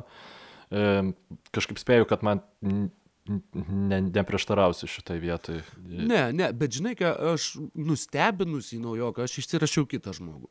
Tai yra žmogus, kuris yra patenka tarp top 10 rezultatyviausių lygos naujokų, užžengia 9 vietoje, meta po 9,9 taško, visi šiaip meta mažai. Lamelo ir Edvardsas yra rezultatyviausi su gal po 14. Uh, bet tai yra Seanas Teitas. Va čia yra žmogus, kuris tikrai mane visiškai nustebino, kuris atėjo iš niekur, kuris 2018 žaidė panevežį prieš Lietkabelį, atstovaudamas belgų a, a, Antverpeno ar Antverpo, kaip ten lietuviškai, Antverpeno turbūt. Uh, šiaip lietuviškai Antverpeno, Jo, man jo. atrodo, bet Tai, mano na, tai- žmona sako Antverpo. Taip. Nu, va, matai, jinai gal belgė. Bet tai net pasimetė gerai. Džišonui Teitui belgė. yra 25 metai, kas visai, Taip, kas visai yra kas keista. sakau, visiškai įspūdingas žmogus, kuris žaidė Belgijoje, tada sužaidė vieną sezoną Australijoje, beje, ten irgi buvo ir rungtynių jų tarpusavio su Lamelo bolu. Ir nemanau, kad kažkas tikėjosi, jog šitas bičias iš Australijos, nepašauktas naujokų biržai, 25 metų, žais freaking starto penketuke Houstone. Na, aišku, ten ta situacija, kur žaidėjai tai vienas, tai kitas nuolat negali žaisti ir beveik niekada nežinau, gal buvo kokius porą kartų, kad visi ten ir Bolas, ir Oladipo, ir Gordonas, ir Būdas, ir Kazinsas, ir kas tik nori, kad visi būtų rotacijai. Bet Džišonas Teitas naudojasi tą galimybę ir mane nustebino tikrai labai maloniai, nes apie šitą krepšininką, nu, absoliučiai nieko negirdėjau prieš, prieš biržą ir prieš sezono pradžią. O kalbant apie manau, daug- nuvilenčius uh, krepšininkus, uh, kalbant būtent apie nuvilenčius lygos debutantus, kurgi aš juos užsirašiau, kur čia tasai klausimas buvo, nepradžiugino manęs du žaidėjai, vienas iš jų gavo traumą ir dar ilgai nežaisti Kilianas Heisas, uh, tiesiog atrodė, jog jam kiek per dideli šitie batai kol kas būti startinių įžaidėjų NBA lygoje. Uh, ir tuo pačiu, na, taip pat ne visai dėl jo kalties, kadangi jeigu Heisas nežaidžia dėl traumos dabar, tai jisai nežaidė dėl traumos sezono pradžioje, bet Onijeka Okongų, nu, aš, aš kol kas nieko negaliu pasakyti apie šitą krepšininką. Jis dėje negauna minučių, žaidžia po mažiau negu 10 minučių ir, ir ne tiek, kiek pats krepšininkas nuvylė, kiek tiesiog, kad iš jo aš tikėjausi daugiau jau šitame sezone. Taip, dėl Okongo pritariu. Aš atsiprašau, vėl nukrypsiu nuo temos. Ne 2000, ne 2000 metais vyko pasaulio futbolo čempionatas, o 2002 metais. Aš kažkaip e, susipainiau ir man Taip, taip, net taip. septyni metai buvo, tai jau wow. šiek tiek vyresnį Mykolą e, padurnina senelis. O labiausiai mane nuvylė šį sezoną Mykolinio. Ž- e, Jamesas Weismanas, nes aš galvau, kad jis e, rodi, parodys potencialą gynyboje ir jom bus problemų polime, bet gynyboje aš tiesiog visiškai nemačiau tų gynybinių instinktų, kurie leistų šitam krepšininkui išnaudoti tuos nuostabius įrankius, kuriuos jis atsinešė su savimi NBA Bet lygą. Jis, jis visiškai neturi patirties. Jis į koledžą kiek žaidė dviejas rungtynės, trys rungtynės. tiesiog- tokio. Čia šitoje Aš, ne, situacijoje. aš manau, kad nemačiau čia- pagrindo, e, apart jo fizinių, apart jo fizinių duomenų, duomenų, aš nemačiau pagrindo galvot, kad vat, jis galėtų būti gerai besiginantis krepšininkas. E, Su itin, itin gerai besiginančiais krepšininkais tu tą pamatai dažnu atveju žymiai anksčiau, bet tavo argumentas, kad jisai atėjo visiškai be patirties yra labai geras ir e, priklausomai nuo to, kaip jis tobulės toliau, galbūt, e, galbūt bus gerai jam viskas, bet kol kas tai aš tiesiog e, tikėjausi, kad jis bus visiškai kitokio profilio krepšininkas, o dabar jis bando savo vertę įrodyti polime. E, Bent jau man taip rodėsi pi- pi- pirm- pi- pirmaisiais, pirmąjį mėnesį ir na tiesiog tai buvo visiškai ne tai, ko aš laukiau iš jo. Nes aš prognozavau, kad jis laimės metų naujoko titulą. Tai tik, tikrai, tikrai, tikrai taip nebus. Mykolai, Mindaugo Žilionio klausimas irgi vienas iš tų samprotavimo klausimų, kur negali iš esmės būti neteisus ir negali būti pernelyg teisus. Bet jūsų manimu, ar Žalgeris paėmęs bet kokį geriausią vieną NBA žaidėją taptų Eurolygos čempionais? Ar su dviem geriausiais skliusteliuose galit parinkti patys patektų į NBA atkrintamasias ir ar su trimis laimėtų NBA? Um, pirmas klausimas, tai su Lebronu Jamesu Žalgris laimėtų Eurolygą. Aš e, esu įsitikinęs tuo, nes e, tiesiog nebūtų, nu, nebūtų kam gintis prieš Lebroną, grinai tiesiog to krepšininkų. krepšinis? Nu, Kiek Ne- laiko jo. nepradėkim jo, mes, vėl, Jo, žinai. jo, ta prasme, Ta prasme, ne- Žalgeris, ne yra, Žalgeris yra gera komanda, čia nėra Dzukija, žinai, kur ten visiškai jokio, e, nu, sakykime, tai yra, nu, plemba, Lebroną tu pridedi. Dzūkija, ne, prie, Dzūkija, Jomantas žaidžia, Jasaitis žaidžia. Tai va, o jeigu su Lebronu ir aš galvojau, žinok, ilgai šiaip apie šitą klausimą, aš galvojau, kas būtų tas antras krepšininkas, kurio reiktų komandai tokiai kaip Žalgeris, kad jie papultų į atkrintamasis, tai aš manau, kad naudingiausias šalia Lebrono būtų Anthony Davisas kuris tiesiog labai daug problemų gynyboje išspręstų, kurias natūraliai turi NBA komanda. E, Atsiprašau, ne NBA komanda, nu šiaip ir NBA komandos turi problemų gynyboje, bet kuris natūraliai turėtų žalgeris ateidamas į, Eur- e, į žaisdamas NBA, tai yra e, dideli krepšininkai, atletiški, tie kra, kra, kraš, kraš, krašto polėjai, e, kur na, nėra kam ginti jų ten Vokupas, Heisas, na, skirtingų, žinoma, pozicijų krepšininkai, bet e, na, jie būtų labai valgomi ir tu, turint tokį gynybos monstrą kaip Anthony Davisas, jeigu jis jau žaistų pilna, pilna koja, žinai, reguliariam sezone, aš manau, kad tai būtų vienintelis šansas ištemti tą komandą į atkrintamasias, o prie jų pridėjus karį, Na, nes tiesiog e, manau, kad būtent reiktų tokio krepšininko, kuris galėtų terrorizuoti komandas e, neturėdamas kamulio, tai geresnio krepšininko už karį nėra ši- šitai, šitai roliai. Na, turbūt vis vien ne, bet jeigu leisiu dar bent kelis, e, ta prasme, vis vien nelaimėtų NBA žiedų, nors ne, negalėčiau sakyti, kad neįmanoma. Nes vis vien, nu, tie krepšininkai yra pajėgus, taip Žalgeris nėra labai jau tokia maža komanda, na, žinok, neįsivaizduoju, gal, gal vis dėlto ne, bet galėtų patriukšmauti, tikrai, tikrai galėtų patriukšmauti.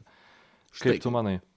Ką tu E, aš imtum apie- pirmiausia? apie- Galvojau apie tą vieną žaidėją. Kažkaip tai iki galo turbūt tiesiog neperskaičiau klausimo, nes galvojau apie vieną žaidėją, kurį reikia imti. Aš tiesiog turbūt būčiau ėmęs į Eurolygą ne Lebroną, o Luką Dončičių. Nes jis, jis ten jaustųsi kaip žuvis vandenį ir manau, kad irgi būtų, būtų ne ką prastesnis variantas. O apie Žalgirį NBA lygoje, sakau, tiesą pasakius, pamačiau, kad tai yra klausimas, ar laimėtų Eurolygą. Galvojau, nu ką žinau, aš tos Eurolygos nežiūriu, man, aš jokio lygio nežinau, neįsivaizduoju, ką pasakyti ir tiesiog pra, praž, pražvairinau antrą sakinio dalį. Tad labai atsiprašau ir nieko protingo čia nepasakysiu, ką jie galėtų pasimti. Dar keli Taip. klausimai labai labai greitai prabėgti. Richardas Richardsonas klausė, sveiki, būtų įdomu išgirsti jūsų nuomonę konfliktiškiausių NBA žaidėjų startinį penketuką prieš inteligentiškiausių NBA žaidėjų startinį penketuką nuo 1990 iki 2021 metų. Kas jūsų susidūrime laimėtų jūsų nuomonę? Linkėjimai. A, Linkėjimai ir Richardui Richardsonui. Mykolai, susidarnėjai kažkokius penketukus čia? Ne, bet aš pagalvojau, nes Aš- aš turiu penketukus. Klausimus gavom jau. Tai pasakyk. Tai gal galim pabandyti, e, aš pasakau penketukus, tu sakai, kas laimės. Gerai? E, Konfliktiškiausias mano penketukas yra Gilbertas Arenasas, pš, pš, pš, pš, Vernonas Maxwellas, Ronas Artestas, Rašydas Volasas ir Damarkusas Kazinsas Kingsų laikų. Svarbu, Kingsų laikų. Prieš Steve'ą Nešą, Manu Žinobilį, Jaileną Brauną, Timą Dankaną ir Paugą Solį. Uh, antras variantas. Jo, aš manau, Jeigu visi primai, tai vienareikšmiškai antras, nes e, dar ir gynybinių tokių pasirinkai gerų. Aš tai šiaip norėjau, konfliktiškiausi nebūtinai yra antonimas e, didžiausią IQ turintiems. Ant, pavyzdžiui, Ne, Kevinas Garnetas. inteligentiškiausi irgi buvo ne, ne, intele, Ai, ne intelektualiausi, supratau. o Jo, jo, inteligentiškiausi. jo, okei, Tai galbūt- okei. Jo, Čia blogai Brauną aš čia per, irgi prašau, bet... na, Labai noriu vieną, vieną klausimą e, dar pagriebti. Ilgas klausimas, bet nebūtinai ilgai ten reikia prie jo praleisti. Uh, Vilius Andriulionis klausė mane, kol kas labiausiai nuvilia puikia, uh, puikų sezoną žaidžiančio Vučevičiaus neįvertinimas.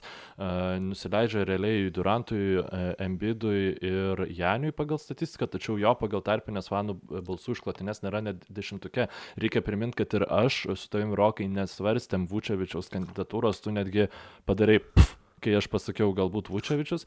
E, ir būtų įdomu sužinoti jūsų nuomonę ir kitus nustebinusius ar nuvylusius tarpinio balsavimo rezultatus. Tai aš visiškai Vyliui pritariu dėl Nikolo Vučevičius neįvertinimo šį sezoną. Tiesiog Orlando Magic yra absoliuti katastrofa žaidėjų traumų klausimų. Jie labai gerai. Kaulas Anthony iškrito. Taip, jeigu tu Dar esi žaidėjas žaidėjas. Orlando Magic, tu tiesiog čia kaip Neik, e, e, apsigynimo nuo juodosios magijos mokytojas Hogwarts, ant tiesiog tu, tu ilgai ten kito, žinai. e, Vienas po kito. Tai ir Vučevičius yra daugiausiai metimų pataikantis iš užlūžio linijos e, tritaškių. Žodžiu, e, iš esmės kiekvienas Vučevičiaus metimas yra, e, or, ger, bet geresnis negu bet kuris kitas Orlando krepšininko metimas, E, jo, nes tiesiog labai efektyviai. Clarką tarp, tarp e, tų blogiausiai pataikančių žaidėjus, man atrodo, žemiau negu 30 procentų iš žaidimo metą. Jis yra jų starto penketo krepšininkas. Dėja, bet taip. Ir e, šiaip labai smagu už Vučevičių, kuris e, jau, jau vis mes laukiam, kada, nu, to, tas dinozaurinis centras, žinai, praras vietą lygoj ir jisai labai prisitaikė prie, jis sakyčiau, toks- net... e, Jis toks plastiškas dinozauras. Nežinau, Taip, kuris, taip, kuris taip, iš jis- dinozaurų buvo plastiškiausias. Brontozauras gal. Na, tai- Ne apie paleontologiją susirinkome kalbėti. Taip, taip. Tai šiaip tiesiog labai gaila, kad Magic taip nesiseka, nes jie taip gerai pradėjo sezoną, aš dar norėjau e, džiaugtis, kad vat, į tą patį sąstatą turinti komanda ilgą laiką, tas vat, labai jautėsi šitam sezone, kad jie gerai žino vienas kitą, žino savo stipresias pusės ir staiga nieko nebeliko iš tų krepšininkų, visi rimtom traumom išgulė, tai uh, labai gaila Vučevičiaus ir tikrai nemanau, kad jis žais šį sezoną visų žvaigždžių rungtynėse, nes tiesiog ta komanda per mažai dėmesio elementariai sugeneruoja. Man patinka, kad top dešimtukė, pavyzdžiui, vakarų gynėjų yra Clay Thompsonas ir Aleksas Karuso. Fantastika, tai yra ži- žiūrovų balsų klasika. E, bet užbaigiant šią tinklalaidę, labai norėtųsi užduoti, na žinai, aš, aš neišrinkau savo savaitės rungtynių, visiškai pamiršau čia, kur šitiek sakėm, daugiau negu metus norėjo, mane vieną kartą padarėm, aš antrą kartą jau pamiršau, e, bet parinkau porą tokių, tokių, m, žinai, klausimėlio rubriką, e, porą, porą klausimų, kurie bus užduoti tau Mykolai, tačiau tuo pačiu ir bet kuriam, kuris klausosi šios tinklalaidės, tikiuosi, jog bus smagu pagalvoti ir pabandyti atspėti. Tikėtina, kad šiais metais nutrūks, dabar galvoju, kaip suformuoluoti. Pradėkime iš kitos pusės. Visų laikų rekordas, kalbant apie visų žvaigždžių rungtynes ir vieno klubo atstovus, yra Detroito Pistons. Nuo 1951 iki 79 jie visada turėjo savo bent vieną All-Starą ir viso net 20 krepšininkų spėjo pabūti All-Starais per tos 28 metus. Šiais metais tikėtina, kad nutrūks ilgiausia aktyvi kažkurios komandos serija visada turėti visų žvaigždžių krepšininką savo rungtynėse. Ilgiausia buvo Spars, bet nutrūko pernai. Šiais metais ta komanda turi e, nuo 2010. 2010 Thunder. Bingo, Oklahoma Thunder nedavė net pagalvoti žmonėm. Nu, bent, žinai, gal, gal, Atsiprašau. gal kiti dar būtų galvoję. Gerai, kad jau, to, kad jau toks kietas, tai važiuojam, aš uh, užduosiu tuomet ir nesakysiu tau frikin datos. Ir vad pažiūrėsiu, ką tu papasakosi. Taigi Yra, žinai, kad nežinosi. yra trys komandos, kurios uh, dabar turi ilgiausią sausrą be visų žvaigždžių rungtynių krepšininkų. Nu gerai, pasakysiu, visos trys turėjo savo atstovus 16-17 sezone paskutinį kartą. Viena komanda iš rytų, dvi komandos iš vakarų. Kas turėjo paskutinius savo visų žvaigždžių rungtynių krepšininkus tik tai 16-17 metais? Galiu atsidaryti standings. Žinoma, Kad žinoma. Uh, 16-17, gerai. Tai viena iš jų būtų San Antonijos Spars? Ne. Ne. San Antonijos Spars tik tai pernai nutrūko tą seriją, kuri irgi kaip- vi- viršijo 20 metų Mm, berods. Gerai, duok man tada dar šansą. Taip, e, gerai. 16-17 sezoną, tai... Blemba, nu jeigu ne Memphis Grizzlies, viena iš tų komandų, tai... E, Man atrodo, kad taip. e, Nes tuoj Markas Gazolis. Taip, taip, taip, taip, taip, taip, taip. E, Nes sugebėjau išsirašyti klausimą. Ir Sacramento Kings. atsakymą. Markas Gasolis 2016-17, Bugi. Demarkusas Kazinsas 2016-17. Ir dabar iš rytų. Viena komanda rytų konferencijoje, kurie paskutinį savo vis žvaigždį Kaip blogai skamba, ką. Mhm. Uh, turėjo 2016-17. Pala, Hornets, Kemba Walkerį turėjo kur kas ilgiau. Klausimas, ar jis buvo žvaigždė. New. York. Plemba. Tik Pistons, Griffinas, Cavaliers. Cavaliers Jamesas, Wizards, Bylas, Magic, Vučevičius, Heat, ten Adebayo, Hawks, Youngas, Bulls, vienas iš variantų, Hornets. Tai Bulls arba Hornets. Nu, tai vieną. Mhm, mhm, mhm. Gerai. Nu, Čikagos Bulls aš ne- nesugalvoju, kas ten iš Bulls. 2016-17 Jimmy Butleris buvo Čikagos Bulls pastarasis visų žvaigždžių rungtynėse žaidęs krepšininkas. Galbūt Zekas Lavinas dabar nutrauks šitą jų uh, tokią, ne tokią ir ilgą, bet pakankamai ilgą sausrą. Beje, ilgiausią tą sausrą turėjo Vat irgi, nu ir sugebėjau neišsirašyti, bet man atrodo 15 metų Golden State Warriors neturėjo nei vieno All Staro. 15 metų. Įspūdingas uh, skaičius ir su tuo įspūdingu skaičiumi ir uh, Mykolo dar viena re replika. Taip, žiūrėjau, Ne, ne, ne, ne, ne. kolega. Ai, ai galbūt riuktelėjai. Tiesiog įkvėpiau stipriai oro, A, sakiau. Labai o, gerai. kaip ilgai Warriors. O, neturėjo. o, o, kaip ilgai neturėjo.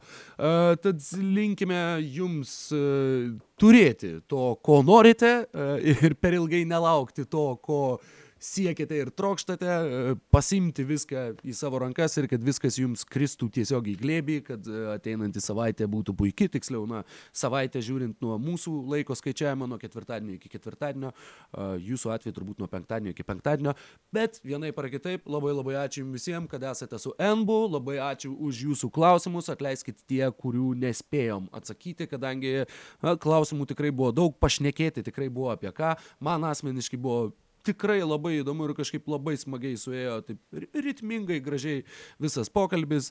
Tavo senelis yra fiki nuostabus žmogus, Mykolai, ir tikiuosi, jog, jog ir tu praleidai šią ketvirtadienio pusantrą valandę visai maloniai.